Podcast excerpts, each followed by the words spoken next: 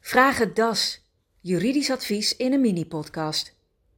Hey Christa, Ei. wat kan ik doen als ik last heb van de boom van mijn buren? Tja, bomen bij buren kunnen voor een hoop overlast zorgen. En daarmee zelfs echt nare burenruzies. Daarom is het goed te weten dat er een paar algemene regels gelden. Oké. Als je last hebt van overhangende takken, bomen, struiken of zelfs doorschietende wortels. Ah, en wat voor regels dan? Dat kan verschillen per gemeente.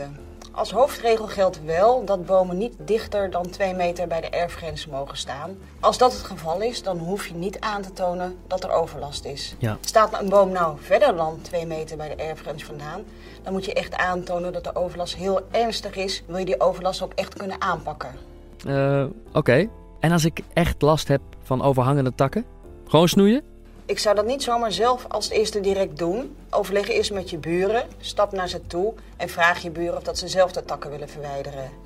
Doen ze dat nou niet? Op onze site das.nl/slash wonen vind je een voorbeeldbrief.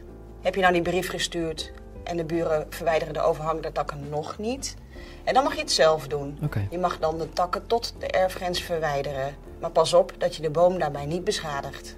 Duidelijk. hey, en hoe zit het met doorschietende wortels? Wortels mag je wel zonder toestemming van je buren weghalen. Maar pas er dan wel op dat je de boom niet beschadigt. De boom mag dus bijvoorbeeld niet ineens omvallen. Oké, even goed checken dus. En eh, mag ik over elke boom klagen eigenlijk? Nee, als een boom er al langer dan 20 jaar staat, dan kan er sprake zijn van verjaring.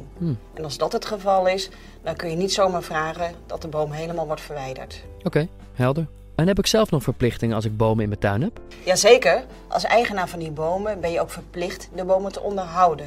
De zorgplicht heet dat. Valt jouw boom om en heb je nagelaten die bomen te onderhouden, dan kan het zijn dat je aansprakelijk bent voor de schade. Helemaal duidelijk, Christa. Bedankt voor de informatie. Heel graag gedaan.